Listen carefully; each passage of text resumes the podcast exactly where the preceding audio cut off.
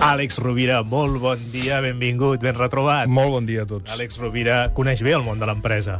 Sí, sí, sí. Eh, hi, treball, hi treballo i ja fa anys que, que el conec. El que passa que em resulta molt difícil de vegades separar com si el món de l'empresa no fos el món, no? De vegades fem unes, unes falses separacions entre el món del treball i la vida personal, o entre el món de l'empresa i no sé quin seria l'altre món.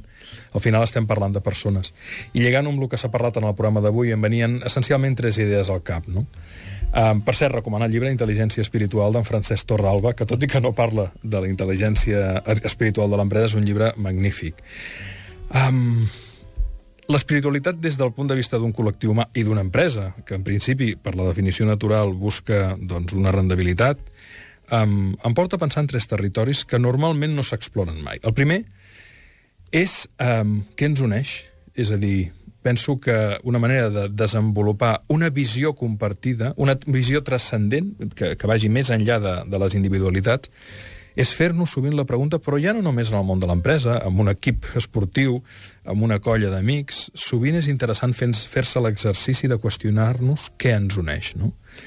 A mi m'agrada dir que si la resposta al que ens uneix és només guanyar calés, difícil futur tenim. És a dir, el que ens dona força per tirar endavant no és només la rendibilitat que ens permeti garantir les nòmines i les inversions futures, sinó també veure una, una utilitat, un servei, quelcom que ens vinculi a lo que és humà. No? Per tant, què ens uneix? Ens uneix servir, ens uneix millorar vides, ens uneix transformar, ens uneix fer les coses amb un respecte a, al món que ens envolta, fer-nos aquest tipus de preguntes que són sovint més importants que la missió o que la visió, no?